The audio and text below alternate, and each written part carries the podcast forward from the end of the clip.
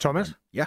Hvordan er det med sne i København? Det er jo en øh, meget væsentlig trafikmelding. Du er på cykel normalt. Ja, jamen der er ikke rigtig noget her i København. Jeg kigger lige ud af vinduet, der er stadigvæk ikke nogen sne.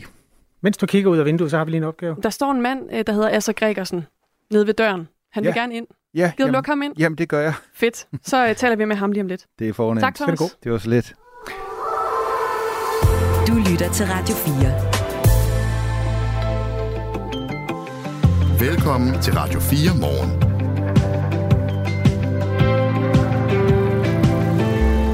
Asser Gregersen er øh, forsvarsadvokat. Det er derfor, vi skal tale med ham øh, lige om lidt om en øh, principiel sag, der handler om udlevering af russiske statsborgere.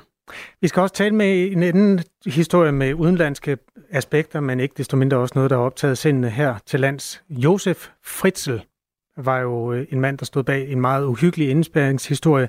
Han øh, blev dømt for både det ene og det andet og fik livsvarigt fængsel, men øh, han kan være på vej ud af fængslet igen, den her 88-årige mand.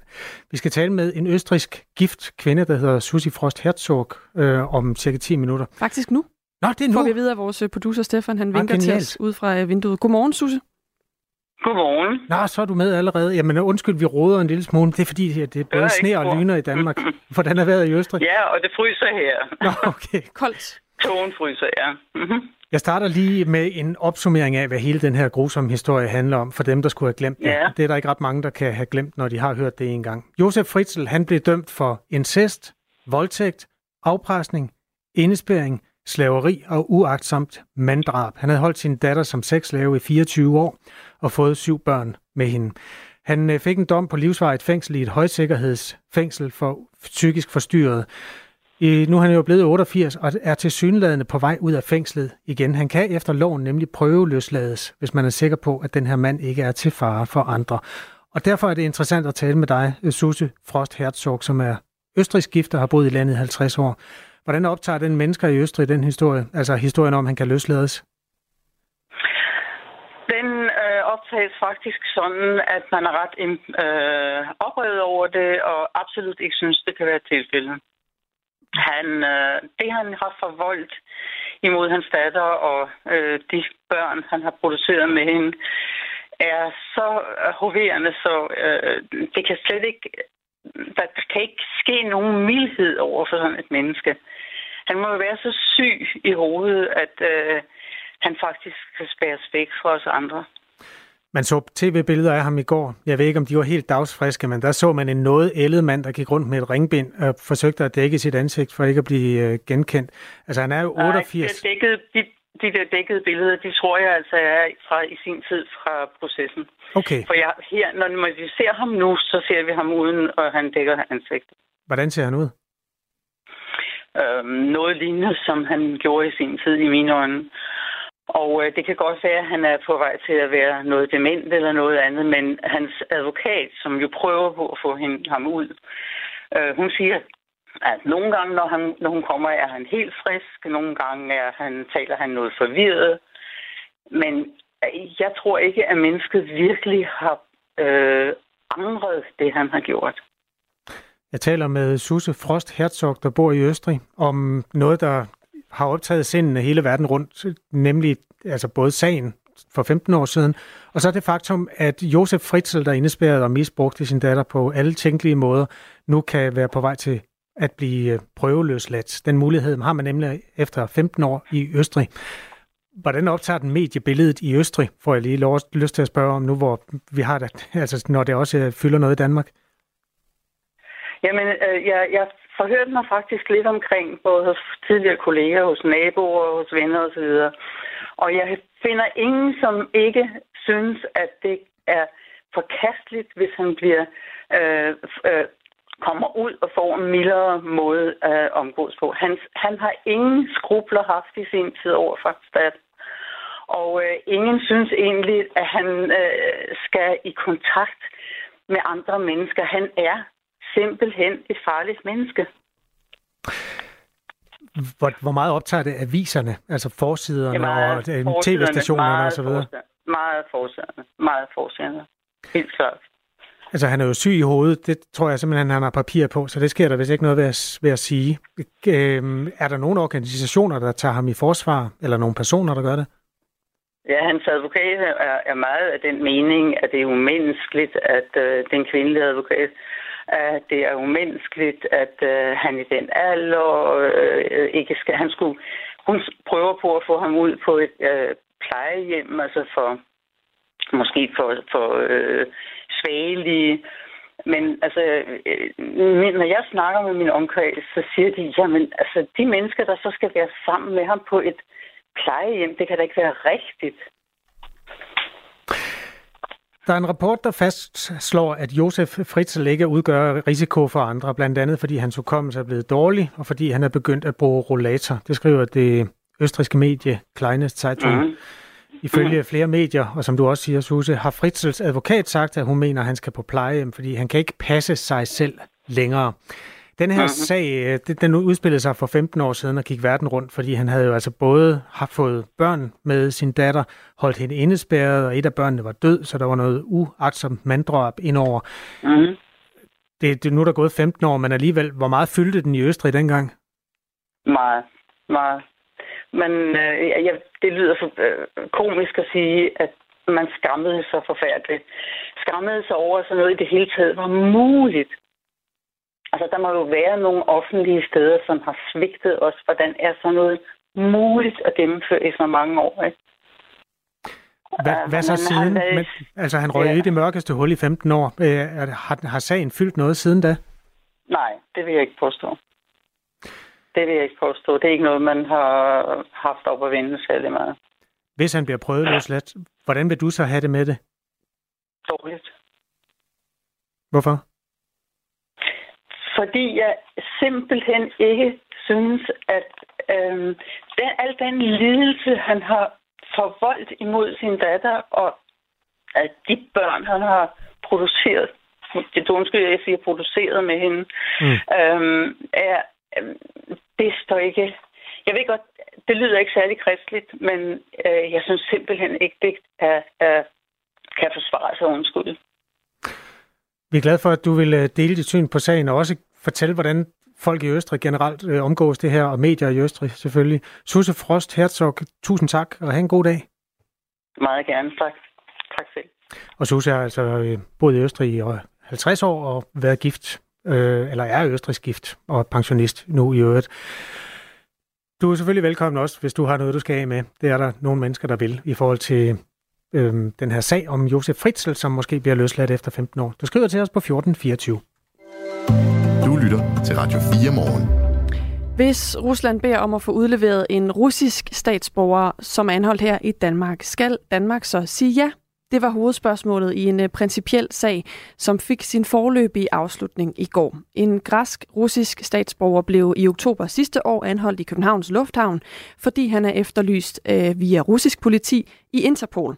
Manden står over for en retssag i Rusland, der handler om øh, salg af en kontorbygning, der ligger i et eftertragtet område ved Sortehavet. Og spørgsmålet var jo så, om Danmark kan udlevere manden til Rusland eller ej. For ifølge loven, så må Danmark ikke udlevere efterlyste mennesker til steder, der ikke giver en færre behandling, både når det kommer til selve rettergangen, men også den fængsling, øh, som skal overholde internationale konventioner. Så Danmark skal altså være sikker på, at han får en færre behandling.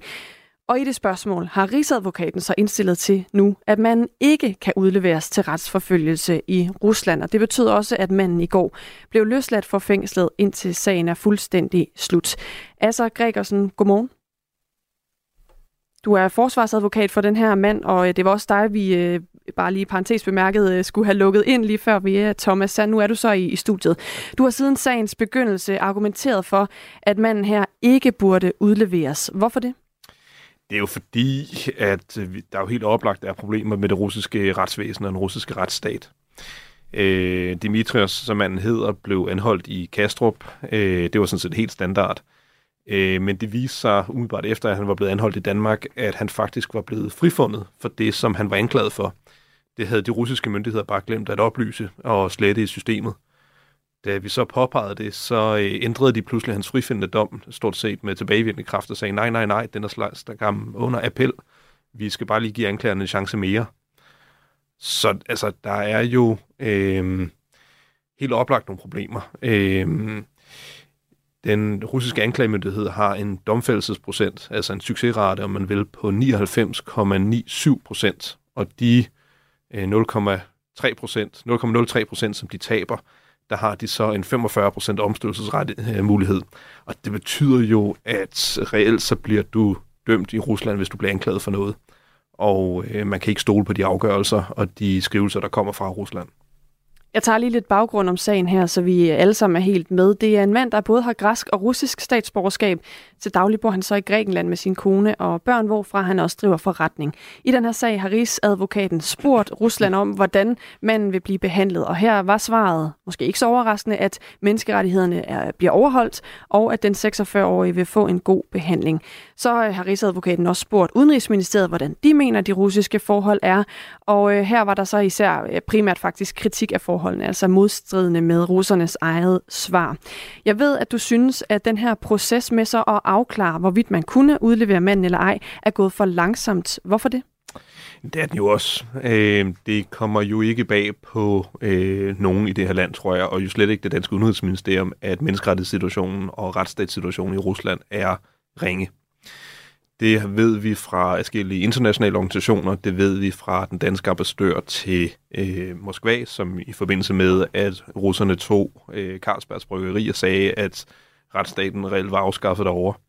Så det er jo ikke noget, der kommer bag på os, og derfor er det jo noget specielt, at det har taget de danske myndigheder tre måneder at komme til den her konklusion. Hvad er din forklaring på, at det har taget den tid? Hvis jeg er meget generøs, vil jeg sige grundighed men det her er nogle oplysninger, som har været tilgængelige i øh, overvis. Altså, det er, at russerne har haft en gradvis afvikling af deres retsstat. Det er, at de har meldt sig ud af den europæiske menneskerettighedskonvention. Det er jo ikke nyt, noget, der er nyt for os. Det ved vi jo godt. Vi ved også, at en tredjedel af de afgørelser, der falder ved den europæiske menneskerettighedsdomstol, øh, indtil de melder sig ud, det vedrørte krænkelser af retten til en færre rettergang i Rusland. Vi ved også, at i i, to, i første halvdel af 2023, der har otte andre øh, europæiske lande, undskyld, otte andre europæiske lande i 46 tilfælde nægtet at udlevere til Rusland. Så spørgsmålet var jo, skulle vi så være det 9. land, der går en helt anden retning end vores øh, europæiske brødre? Det øh, kan man undre sig over, det skulle tage så lang tid. Men omvendt er det her jo også en øh, beslutning og en afgørelse, der kan gå hen og blive principiel, og som kan øh, danne præcedens for andre sager. Så i det lys, er det så ikke meget godt, at Danmark har taget sig god tid til at sikre, at de her ting går rigtigt til, og at afgørelsen så bliver den rigtige? Det er en god idé, at øh, Danmark er grundig, men spørgsmålet er, om det skulle tage tre måneder, og i særdeleshed kunne man jo overveje, om det var nødvendigt, at min klient sad i fængsel i mellemtiden. Han kunne jo eventuelt have afleveret sit øh, pas. Han er velhavende, så han kunne også have afleveret en, øh, nogle penge, eller have fået en fodlænke på, så vi vidste, at han var på et hotel, eller han var i København, eller et eller andet. Det er mere det her med, at det skal tage tre måneder for at komme til noget, som vi jo egentlig godt øh, vidste på forhånd, mens han sidder i et, øh, i et fængselscelle. Og jeg tror måske ikke, alle lyttere ved, hvor lidt sjovt det er at sidde i et fængselscelle. Man er eksempelvis spadet inden 23 timer i døgnet. Altså, det er relativt hårdt, og øh, så er tre måneder lang tid at vente på noget, som vi godt vidste. Men mener du, at der er nogen, der sådan har forhalet processen, eller hvad skulle man have gjort anderledes for, at det var gået hurtigere? Man skulle have prioriteret sagen, tror jeg. Øh, eksempelvis så brugte vi en del tid på at spørge russerne, om de havde tænkt sig at overholde menneskerettighederne, og det var jo tåbeligt. Skal altså, de ikke spørges? Nej, hvad skulle vi spørge dem for? Altså, enten så havde de svaret tilbage og sige, jo, vi har bestemt tænkt os at torturere manden. Det var der nok ikke nogen, der troede. Eller også ville vi få et svar tilbage, hvor de ville skrive, vi har bestemt tænkt os at overholde alle menneskerettighederne. Men det var der ingen, der troede på. Det troede Udenrigsministeriet ikke på, det troede Udlændingsservice ikke på, det tror Amnesty ikke på, det tror den amerikanske kongres øh, ikke på, det tror CIA ikke på vi vidste godt det her på forhånd. Men i retssikkerhedens tjeneste er det så ikke helt øh, almindelig praksis og god skik, at man øh, spørger begge sider af sagen, når man træffer afgørelse? Jo, bestemt. Spørgsmålet var, om vi skulle bruge så lang tid på det. Kunne man have gjort det hurtigere? Det kunne man. Hvordan? Man kunne give russerne en kort svarsfrist. Øh, man kunne have fremmet sagen i mellemtiden. Altså, øh, den danske anklagemyndighed har taget det skridt. Nu sidder vi og venter på, nu, at russerne vender tilbage. Nu sidder vi og venter på, at det her bliver oversat. Nu sidder vi og venter på, at vi spørger udlændingsservice, at nu vi spørger Udenrigsministeriet. Der kunne man måske have spurgt alle på en gang. Det er altså øh, en sag, som øh, kan gå hen og blive ret principiel, der handler om i sin essens, øh, hvis øh, Rusland øh, kommer og siger, at de gerne vil have udleveret en russisk statsborger, der er anholdt her i Danmark. Skal Danmark så sige ja til det, eller skal man sige nej til det? Fordi øh, der reglerne også siger, at man skal være sikker på, når man øh, udleverer øh, fanger, eller, eller folk, der kan blive fanget i, i et andet land, at de skal have en færre og retslig behandling i øh, Rusland. Og derfor taler vi altså også med dig, Asger Gregersen, der er forsvarsadvokat for den her øh, mand. Øhm, nu har din klient, øh, klient siddet i fængsel i tre måneder, mens man har vurderet den her sag. Øhm, hvordan forholder han sig til det? Han har nægtet sig skyldig, øh, og øh, sådan set allerede for sit grundlovsforhør, altså øh, da han blev fængslet, forklaret, at det her det er en grundlæggende øh, politisk sag. Den her kontorbygning, du nævnte til at starte med, den øh, ligger ikke så langt fra et, øh, tror jeg man kan sige, hemmeligt palads, som Putin fik bygget ved Sortehavet som er sådan en form for russisk Monaco. Altså hvis man er noget ved musikken i Rusland, så vil man gerne have sommerhus i nærheden af Putins sommerhus. Øh, og der ligger den her kontorbygning altså. Og så var der nogen, der henvendte sig til ham og sagde, vi vil gerne købe den. Det vil han ikke. Så kom de tilbage og sagde, vi vil gerne købe den. Og i øvrigt så har vi tænkt at starte en straffesag mod dig. Så vil han stadig ikke det. Så sagde de, vi vil gerne give en fjerdedel af prisen. Og i øvrigt så har vi også tænkt at starte en sag mod din hustru og så ville han stadig ikke sælge, og til sidst så tog de den. Og så øh, kom der så en straffesag ud omkring det, hvor han så jo så for rent faktisk blev frifundet, men hvor de stadigvæk opretholder den her anholdelse i, imod ham, selvom han blev frifundet, hvad selvfølgelig også er lidt påfaldende. Og det er jo altså så sagen, som, øh, altså din udlægning af sagen, som den er i forhold til det, som øh, Rusland ønsker at få den her mand udleveret øh, for. Hvis vi ser på, hvad der så er Danmarks spor, så er den jo ikke helt afsluttet endnu. Øh, men det vi altså så ved, er jo, at, øh, at Rigsadvokaten har indstillet til, at manden her ikke skal udleveres til retsforfølgelse for den her sag i Rusland. Hvad er øh, næste skridt i sagen i forhold til hele snakken om udlevering? Undskyld. Det næste, der kommer til at ske, er, at der vil være et øh, retsmøde, formentlig på skriftlig grundlag, fordi parterne er enige øh, hvor en dommer formelt beslutter, at vi ikke udleverer, til, øh, ikke udleverer Dimitrios til Rusland. Når det er sket, så er sagen formelt afsluttet i Danmark, og øh, Dimitrios kan, eller er, vendt tilbage til Grækenland og øh, bør have mulighed for at rejse frit igen. Og så øh, er det jo ikke længere vores spor, men så kunne man jo håbe, at russerne får ryddet op i eget hjem, så der ikke er de her problemer. Men det er nok et større problem. Lød det altså fra Asser Gregersen. Tak fordi du var med. Tak fordi du måtte og godt du kom ind. Tak. Forsvarsadvokat for øh, den her mand, som sagen altså drejer sig om. Klokken er 22 minutter over syv. Det her er Radio 4 morgen. Det bliver svært at skaffe praktiserende læger nok. Et bredt flertal i Folketinget har jo en plan om at bygge sundhedsvæsenet ud, så det skal komme tættere på patienterne. Og de praktiserende læger spiller en nøglerolle. Målet er, at man skal nå op på 5.000 af dem det er en voldsom stigning i forhold til det nuværende antal. Der mangler faktisk 50 procent eller mere. Øh, sagen er jo den, der er i øjeblikket 3.500, og hvis man vil bygge de der 50 procent ovenpå, så skal man have en masse unge læger til at vælge de uddannelsesforløb, som er en forudsætning for, at man senere kan slå sig ned som praktiserende læge. Det er en historie, mandag morgen er gået i dybden med. Men tre af Danmarks fem regioner øh, melder, at det er svært at få, til, øh, få besat tilstrækkeligt mange af de såkaldte uddannelsesstillinger. Og når det led i forudsætningen er ude, så får man heller ikke 5.000 læger i år 2035, som er planen. Jakob Kaldberg er professor i sundhedsøkonomi ved VIVE, og medlem af øh, regeringens sundhedsstrukturkommission, der er sat i verden for blandt andet at sikre, at man udvikler det her nære sundhedsvæsen. Godmorgen, Jakob Kaldberg. Godmorgen. Det, altså, det hele den øh, dynamik, jeg beskrev her, der mangler øh, nogen, der gider tage uddannelsespladserne, og dermed kommer der også til at mangle praktiserende læger. Hvad er øh, grunden til det?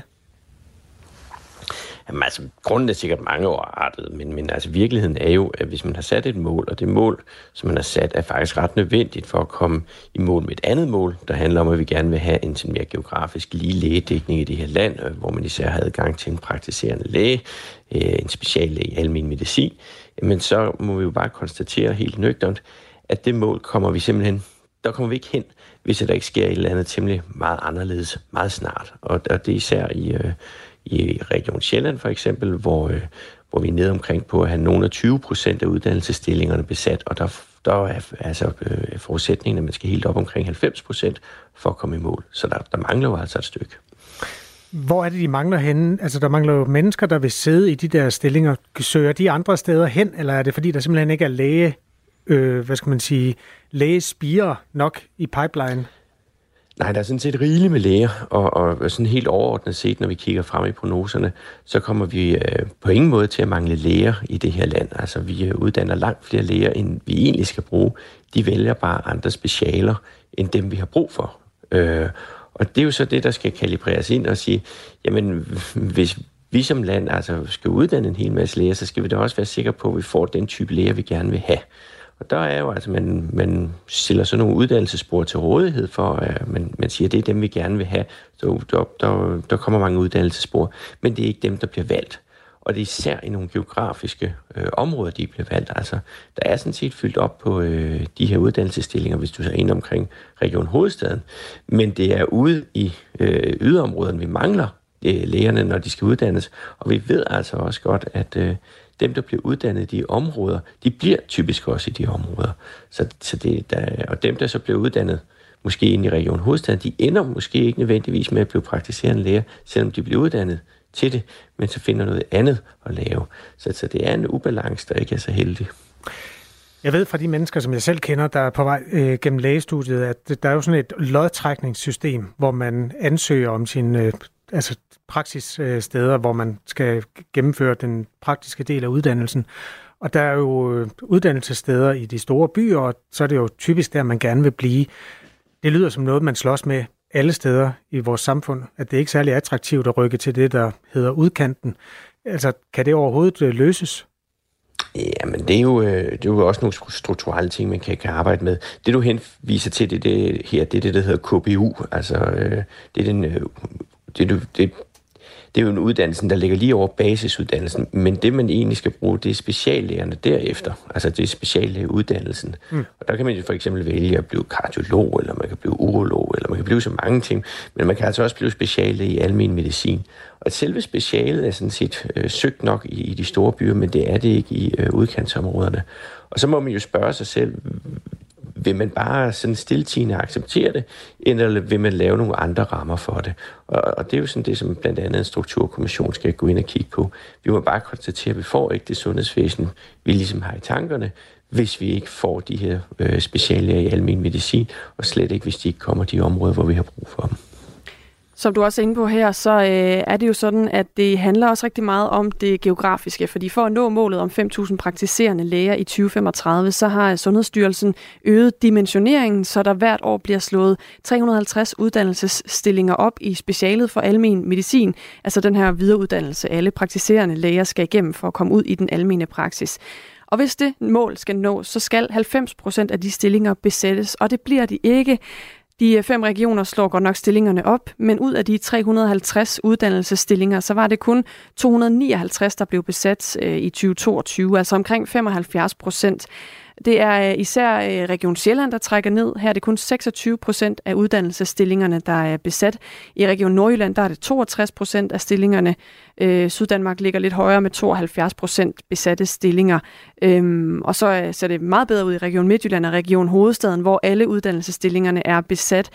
På den måde så øh, vidner det jo altså også om en geografisk øh, forskel, og det er jo også noget, vi har hørt om flere gange. Hvorfor er det så svært, Jakob Kjeldberg, at vende den her udvikling og udfordring med de geografiske forskelle? Ja, man må bare sige, at øh, altså, dynamikken ind, ind mod byerne, den, den findes jo for mange fag og for mange områder. Øh, og der, den tiltrækning, bycentrene har, den, den er stor. Og det er jo i sig selv øh, forholdsvis vanskeligt at gøre op med. Altså, folk vil gerne bo i byerne, og man bliver også forholdsvis gammel, øh, før man er uddannet læge, og der har man så lavet sit netværk, og, og, og der vil man så også øh, typisk allerede have etableret noget, noget familie, og så er det svært at flytte. Det, det, det er en grundforudsætning.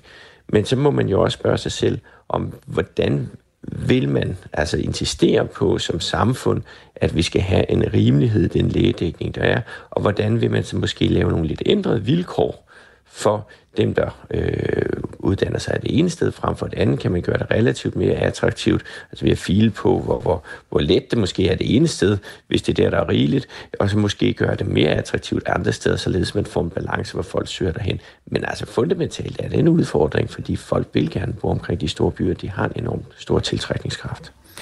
Jakob Kjeldberg, øh, professor i sundhedsøkonomi ved VIVE, hjælper os med at overskue den her øh, forestående lægemangel, som altså ser ud til at ikke helt være knækket endnu. Tak skal du have, Jakob Kjeldberg. Velbekomme. Radio 4 Morgen er i fuld gang. Vi sender tre timers nyhedsmagasin hver eneste hverdagsmorgen. I dag er det befolket af Anne Philipsen og Kasper Harbo. Vi skal en tur omkring øh, det er adoptionerne efter nyhederne, ikke? Jo, de, øh, den sidste tilbageværende danske formidler af internationale adoptioner, det hedder DIA, lukker og slukker efter en række sanktioner fra Ankestyrelsen, og på den måde så ser det ud til, at det lige nu i hvert fald er slut med internationale adoptioner i Danmark. Det er om fire minutter, lige nu der er klokken halv otte. Nu er der nyheder på Radio 4.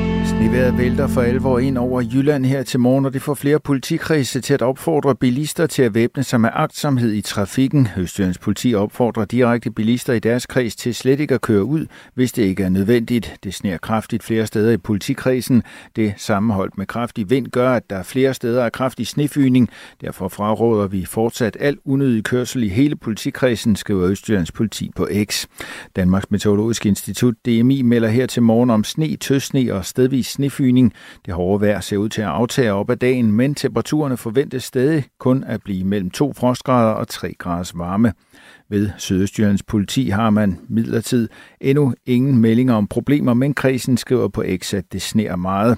Vi opfordrer alle til at køre forsigtigt og efter forholdene, køre eventuelt hjemmefra i god tid og forberede dig på, at det kan være glat, og der kan være længere rejsetid, skriver kredsen. Af Vejdirektoratets hjemmeside fremgår det, at en bil er havareret på motorvejen E45 i nærheden af Frakørselen til Ejer Bagnehøj. Længere nordpå på E45 er et af sporene spærret efter et uheld med en lastbil.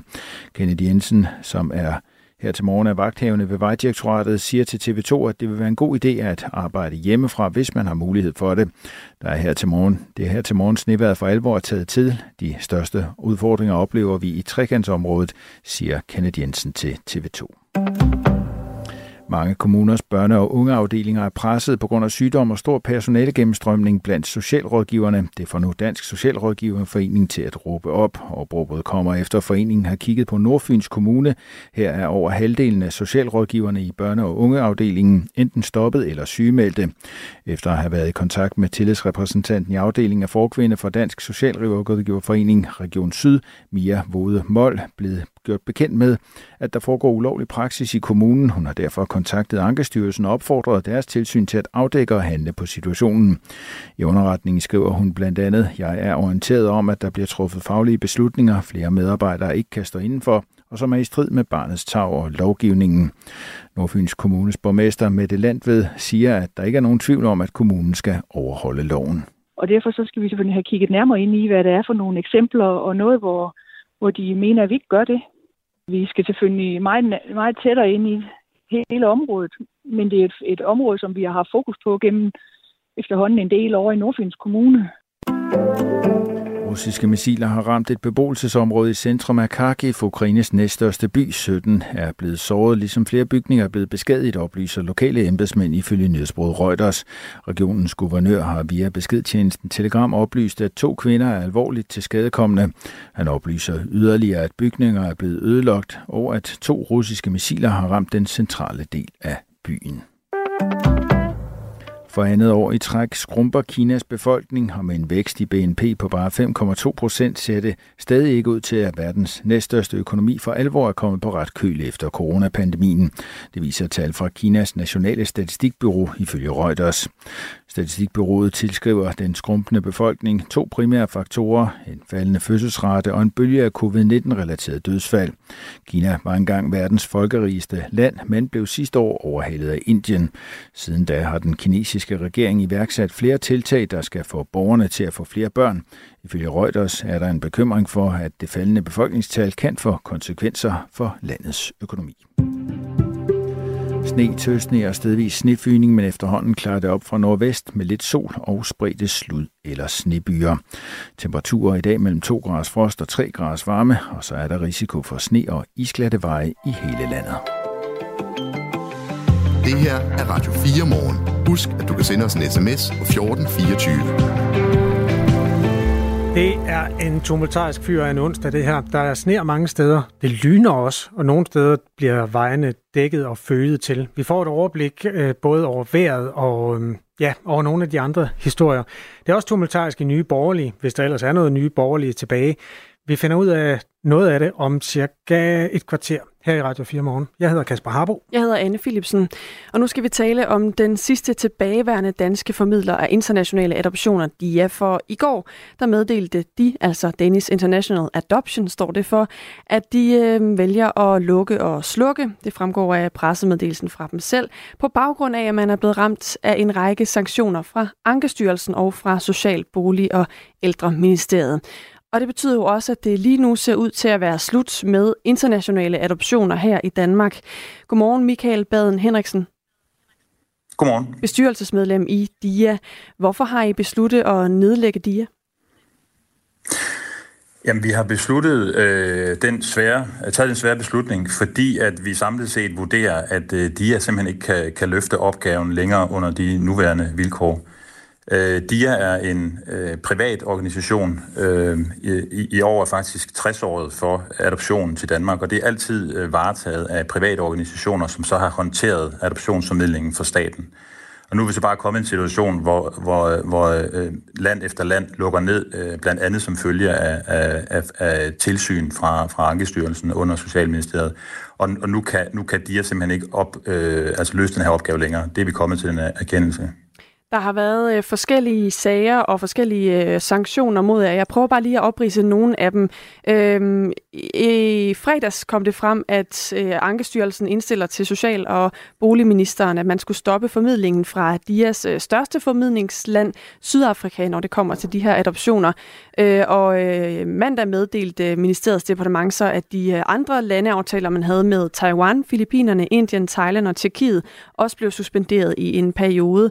Og øh, grunden til de her suspenderinger kom øh, ifølge Social- og Boligminister Pernille rosenkrantz teil på baggrund af, at I, i DIA havde overtrådt ansættelsesreglerne på adoptionsområdet. Øh, TV2 har også fået en agtindsigt, der viser, at Ankestyrelsen øh, tidligere har bedt jer i DIA om at redegøre for, hvordan en medarbejder både kunne øh, fremgå som ansat hos jer, hos DIA, og så også hos øh, den sydafrikanske partner Impilo. Og så øh, var der også ifølge Ankestyrelsen to udokumenterede udbetalinger til medarbejdere, og det er jo så øh, blandt andet summen af det, der også gør, at der er kommet de her øh, påbud eller de her sanktioner. Øh, uden at gå ned i de specifikke ansættelsesforhold, så når Ankestyrelsen fører tilsyn med DIA, og de finder de her problematiske øh, forhold, Michael Baden Henriksen, er det så ikke jeres egen skyld, at I nu må lukke? Jo, øh, de DIA har da helt klart øh, et ansvar, øh, og et meget stort ansvar. Og, og det her, det er nogle af de sager, du nævner her, er nogen, der har været på det seneste, men, men det er jo ikke nogen hemmelighed, at der i lang tid øh, har været problemer i adoptionsformidlingen generelt, og der har også været en øh, manglende tillid øh, mellem øh, DIA og så Ankestyrelsen som tilsynsmyndighed. Øh, Øh, der kom så en udskiftning på ledelsesposten sidste år, der øh, trådte en ny bestyrelse til, og, og vi forsøgte i øh, november at tage kontakt til Ankestyrelsen og havde også en møde med dem for simpelthen at sige, hvis ikke den her tillid bliver bedre, øh, så, så får vi ikke løst det her. Og det har vi forsøgt at arbejde på. Vi spurgte også Ankestyrelsen lige op til jul, om vi måtte få lov til fra bestyrelsens side at, at lave et stop for optag på ventelisten, fordi der var så meget uro. Det fik vi et nej til, og så kom de her meldinger så øh, i start januar. Og, og det samlet set er bare den eneste ordentlige beslutning, det er at sige, nu, nu kan de simpelthen ikke løfte den her opgave længere. Der er øh, for meget uro omkring det. Og det er den melding, vi gav i går. Og som du også er inde på, så øh, er der jo, har der jo af flere omgange også øh, sidste år været øh, forskellige påbud og, og kritik af den måde, øh, nogle af tingene er foregået på hos DIA. Hvorfor har I ikke rettet op på de øh, fejl, der er blevet begået? Jamen, jeg kan, jeg kan ikke gå ned, for jeg, jeg kom ind i bestyrelsen her i, øh, i november sidste år for at prøve at hjælpe med at, at lave en genopretningsplan, så jeg, jeg kender simpelthen ikke de detaljer, men jeg har jo selvfølgelig læst op på, øh, på de forskellige korrespondencer, der har været. Og i overvis har der været forskellige øh, tilsynskritikpunkter. Det er også en del af Ankestyrelsen virke, at man skal føre et stramt tilsyn øh, med DIA, øh, fordi der skal jo ikke have tvivl om, at de her øh, forløb og de her adoptioner skal gennemføres på et fuldt forsvarligt øh, grundlag. Øh, og man kan bare sige, at tilliden har været slidt så længe, at øh, det er sådan endt lidt frem og tilbage i en masse skriveri omkring nogle forskellige syn på nogle ting. Og, og vi må bare gå ind og konstatere, at nu er det på tide, at vi tager en ordentlighedsbeslutning og siger, at DIA kan ikke løfte opgaven. Det er en opgave, som staten i givet fald skal, skal hjemtage helt. Øh, og vi skal også huske på, at Ankestyrelsen øh, de sidste 8-9 år har været inde og godkendt hver eneste adoption, der er kommet til Danmark. Og, og, og når vi nu taler om det, så antallet af adoptioner til Danmark er jo drastisk, har været drastisk faldende også de sidste 10 år. Altså hvor vi havde en 3-4-500 adoptioner øh, tilbage i, ja faktisk mellem 1970 og 2010, så er vi jo helt nede på sådan 20-30 stykker om året nu her. Så det er en helt anden virkelighed, øh, som øh, DIA har stået i i nogle år, og, og det er så det, vi må tage konsekvensen af. Det øh, er jo så også øh, med DIAs lukning øh, med til at, at, at, at betyde, at der jo altså lige nu ikke er nogen, der kan tage vare på de her adoptioner, eller være med til at formidle dem. Nu sagde jeg i oplægget, at det så også indtil videre i hvert fald ser ud til at være slutningen på, at man overhovedet kan lave internationale adoptioner i Danmark. Er det også sådan, du ser på det? Øh, altså, det, det behøver ikke at være det. Øh, jeg skal ikke, øh, så at sige, øh, være dommer over, hvorvidt at det er helt slut eller ej. Øh, jeg kan nøjes med at konstatere, at de i hvert fald ikke øh, længere kan løfte opgaven. Men det, der går i gang nu her, det er en øh, såkaldt beredskabsplan, øh, som har været forberedt øh, i forhold til den her situation, at enten DIA eller Socialministeren helt har lukket for DIAs rolle. Øh, og det vil sige, at de sager, der, der, der ligesom ligger aktuelt nu her og venter, Øh, øh, de, øh, dem øh, må, må Ankestyrelsen jo gå ind og tage hånd om, og, og, og i samarbejde med DIA, som jo har øh, ekspertisen på området her, og også viden omkring de samarbejdslande, øh, der skal DIA nok bakke op omkring det i en overgangsperiode. Det ligger der sådan set en plan for, at vi skal holde møde med, med Ankestyrelsen omkring det. Øh, og som øh, politikerne så sagde i går, jamen nu må vi jo kigge på, hvordan det her område i givet fald skal, skal startes forfra, hvis øh, der skal være en fremtid for international adoption i Danmark. Jeg kan også se via øh, DIAs hjemmeside, at du selv har adopteret, og du er også inde på her, at der er jo nogle mennesker, der faktisk står på venteliste, som har øh, gået øh, i den tro, at de var måske tæt på at kunne øh, få lov til at, at adoptere det barn, de har ventet på. Hvad mener du, øh, konsekvenserne bliver nu af, at, at I i DIA har valgt som den sidste tilbageværende danske formidler af de internationale adoptioner at lukke? Jamen konsekvenserne er jo for de familier, øh, der er cirka 36 ansøgere øh, nu her på forskellige ventelister. Øh, det kan være enlige, og det kan være par. Øh, det, den, de er jo øh, desværre meget, meget triste øh, at stå i den her situation, for det skaber ny usikkerhed Øh, undervejs har, har de forskellige øh, landeventelister jo godt været klar over, at der har været undersøgelser i gang, og, og der har været forsøg på genopretningsplan osv., men de bliver da øh, sendt ud i et, øh, et, et, en øh, øh, trist og øh, nærmest uoverskuelig situation. Øh, vi prøvede faktisk selv øh, tilbage øh, før 2010, da, da vi skulle adoptere, og stå på en... Øh, øh, min kone og jeg på en, øh, på en venteliste, hvor, hvor landet så lukkede ned, og det er en øh, rigtig trist situation for den enkelte familie. Det er der ingen tvivl om. Tak skal du have, Michael Baden Henriksen. Selv tak. Der altså er bestyrelsesmedlem i DIA. Lige præcis øh, et af de mennesker, der står øh, midt i den her, ja, det her orkanens og jeg skal faktisk tale med om øh, cirka 20 minutter, lidt mere end 20 minutter, det er Tobias Terman Olsen, som står på venteliste til adoption og har gjort det siden efteråret 2022. Man skal forestille sig sådan et typisk norsk landskab med små fjeldtoppe og får og geder og den slags. Drabet på den 17-årige Birgitte Tengs i 1995 er en af Norges mest omtalte morgåder. De her to betjente, de ser noget, der ligner blod på vejen og tænker, at det kan være, at der er nogen, der er i gang med at stjæle og slagte et får. Det er en fortælling om tjusket politiarbejde. Og de, øh, de sætter sig så ind i deres bil og afslutter deres vagt. Mangelfuld efterforskning og en families opløsning. Hen over det næste halve år, der afhører man omkring 2.000 mennesker. Lyt med, når Krimiland gennemgår den endnu uopklarede morsag. Du finder det i Radio 4's app, eller der, hvor du lytter til podcast. Radio 4. Ikke så forudsigeligt. Det er bøvlet vejr mange steder. Det regner nogle steder, slud, eller de fleste steder sne. Det gælder blandt andet på, øh, ja, særligt den østlige del af Jylland, hvor nogle veje melder om problemer. Det kan man følge på øh, trafikinfo.dk, som er Vejdirektoratets kort. Det med blæsten betyder også, at hvis man har en vindfølsom påhængsvogn af en eller anden slags, så skal man holde sig fra Storebæltsbroen og Langelandsbroen her til morgen. Man kan også på det der førnævnte vejkort se, hvor der er sket uheld. Det er der blandt andet ved Vejle, kan jeg se i øjeblikket.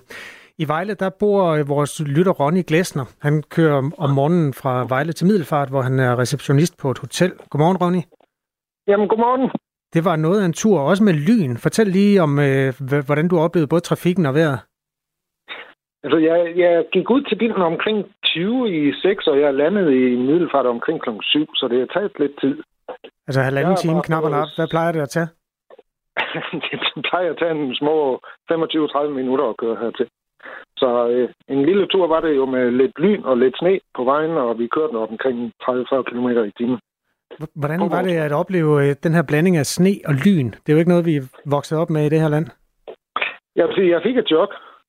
Jeg tror næsten, det var nogle lastbiler, der blandet op af mig. Men øh, lyn var det. Øh, det var faktisk ret spændende at se. Tordnede det også? Nej, ja, det, det kunne jeg så ikke høre. Jeg hørte radio. Sådan. Det er vi glade for. okay. Øh, var der nogen, der øh, var kørt af vejene, da du... Ja, vi, ja, vi kørte i nødsport. Øh, mange af os. Øh, lastbilerne, de kørte så ud på venstre side, så det var bare at følge lidt spor ved dem, men ellers så kørte vi lidt i nødsporen og lidt, lidt ud og ind. Så det var en fedt oplevelse. Der er legnet op til cirka dobbelt køretid så, hvis man kører omkring Vejle, og det gælder mange steder i det østlige øh, Jylland og opad. Men du er godt fremme på hotellet, Ronny? Det kan du tro, så lige nu er mine gæster ved at øh, tage afsked, så det tager nok lidt tid for mig at komme ind. Jamen, det kender jeg godt. Det er jo rush hour i hotellet der. Du, du må hellere koncentrere dig om det. Ha' det godt, øh, Ronny Glæsner. Tak fordi du gav lyd i en sms, og fordi vi måtte snakke med dig. God dag til Tak skal du have. Det der med lyn og sne, det er jo ikke noget, der kommer hver dag. Andreas Nyholm er med os fra TV2 hver. Godmorgen, Andreas. Godmorgen. Hvad er det for en blanding, og hvorfor? Jamen, det er øh, relativt sjældent, at vi ser lyn øh, i, i Danmark her i vintermånederne, og ja, så samtidig med sne, så bliver det jo en lidt en speciel oplevelse, så det er noget, der sker af og til, men, men det har været ret udbredt, det her tordenvejr her til morgen, altså ikke bare været enkeltstående, men der har allerede nu været over 50 lynnedslag i, i Danmark, og det er relativt sjældent, vi ser det så udbredt her i vintermåneden. Og det sker, når der er meget øh, kraftig nedbør, jamen, så er der også opstigende luft, og der skal altså sådan ret hurtige vinde ind i skyen til, før man kan, man kan få lyn. Og det er derfor, vi ofte ser det om sommeren i de her store mørke skyer, hvor der er meget hurtig opstigende luft, som, som giver den her statiske elektricitet, der kan give et lyn. Men, men her til morgen, der er der simpelthen i koldfronten, hvor der er meget intens nedfald, været så hurtigt opstigende luft, at øh, ja, vi har kunne se, at der har været alle de her lynnedslag. Er det farligt? Det er altid farligt med lynnedslag. Det, det kan man sige, men, men sandsynligheden for, at man bliver ramt, er jo også uhyre lille, da, da det trods alt øh, ikke er mere end de her cirka 50 lynnedslag, vi har set, så, så de fleste vil det jo bare være fascinerende at se himlen og høre måske det her øh, brag. Men, men selvfølgelig, de 50 nedslag, som er slået ned, det kan jo ikke udelukkes, der er nogen af dem, der har ramt noget og, og skabt skader, men det er meget, meget sjældent, at det, det giver personskade. Det sner altså også i København, skriver øh, Jørgen fra Valby på vores sms 1424, og stemmer altså ind. Øh, vi har fået en del, nemlig øh, værmeldinger fra det danske land, og mange af dem har kredset sig sådan omkring Midt, Sydjylland, Østjylland. Andreas Nyholm, kan du ikke lige give os en status på sådan over hele landet generelt? Hvordan ser vejret ud her til morgen?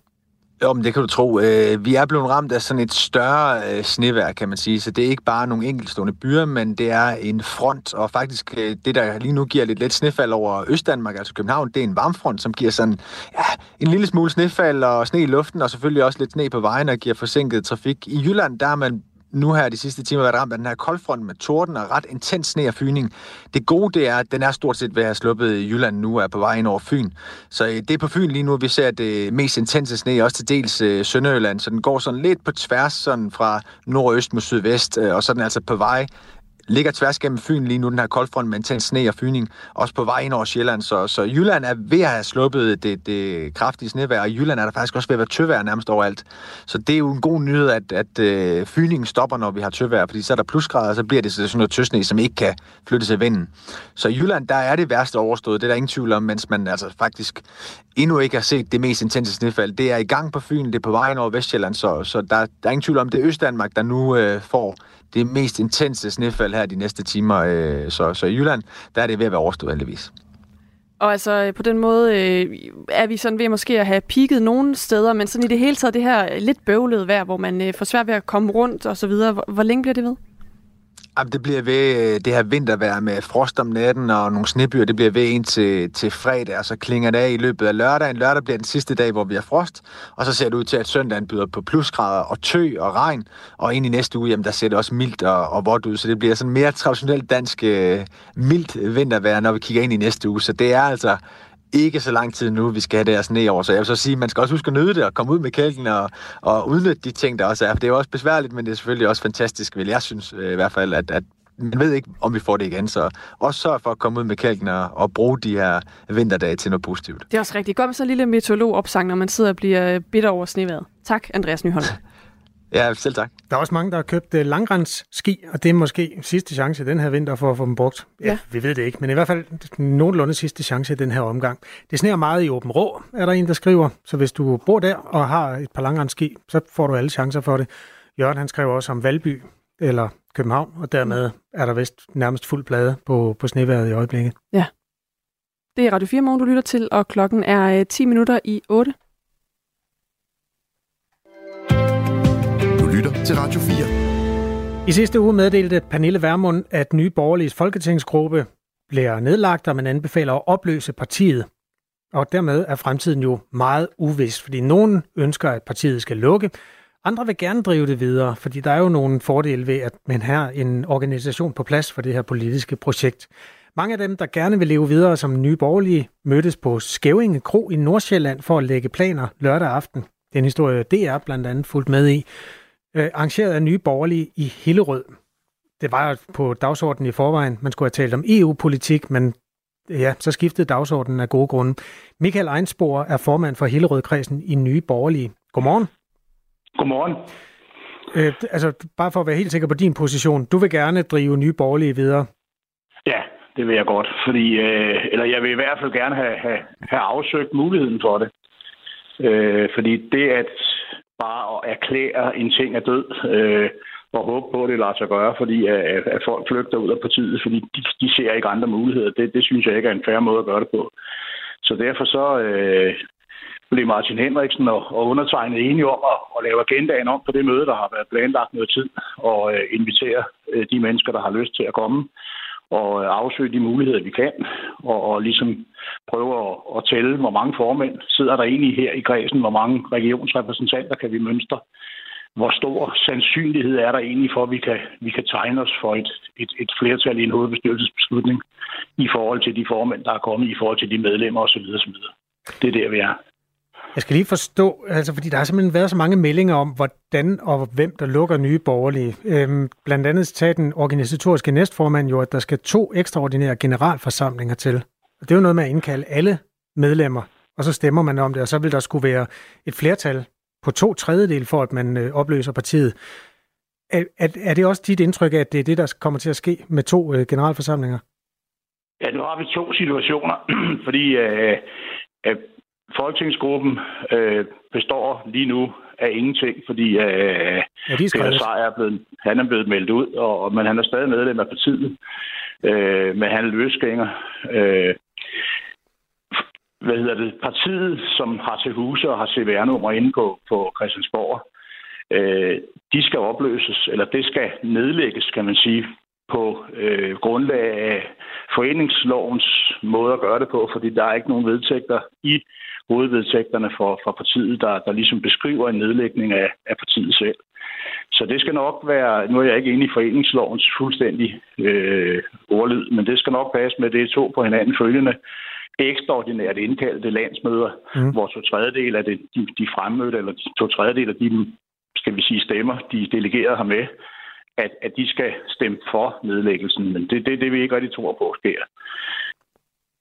Så og, I vil gerne og, samle stumperne, som der så vil være tilbage, men nu skal vi først mobilisere lidt over en tredjedel, som gerne vil blive.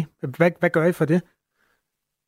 Jamen, jeg tror ikke, det er et problem at mobilisere dem, fordi alle dem, der ikke vil blive, de, jeg tror ikke, de gider stille op. Det, det var Kim Edberg også inde på i en podcast, og det er i går. At han mente ikke, at der var nogen, der sådan ligesom stod til hinder for, at det kunne fortsætte, fordi dem der, dem, der ikke ønsker det, de er der ikke mere. De har ikke noget at sige på, en, på, en, på, en, på et landsmøde. Altså, de, de, mange af dem er væk.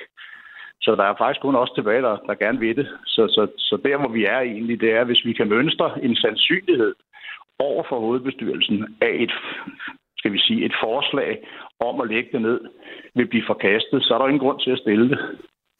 Jeg taler med Michael Einsborg, der er formand for Hillerød-kredsen i Nye Borgerlige, eller det, der er tilbage af partiet.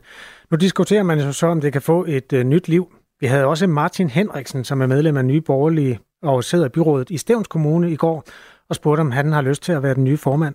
Ja, det, det har jeg jo. Det, det ligger jo ligesom i det. Men øh, når jeg siger det på den måde, så er det jo også fordi, at første punkt på dagsordenen er jo at sikre, at uh, partiet det, det overlever.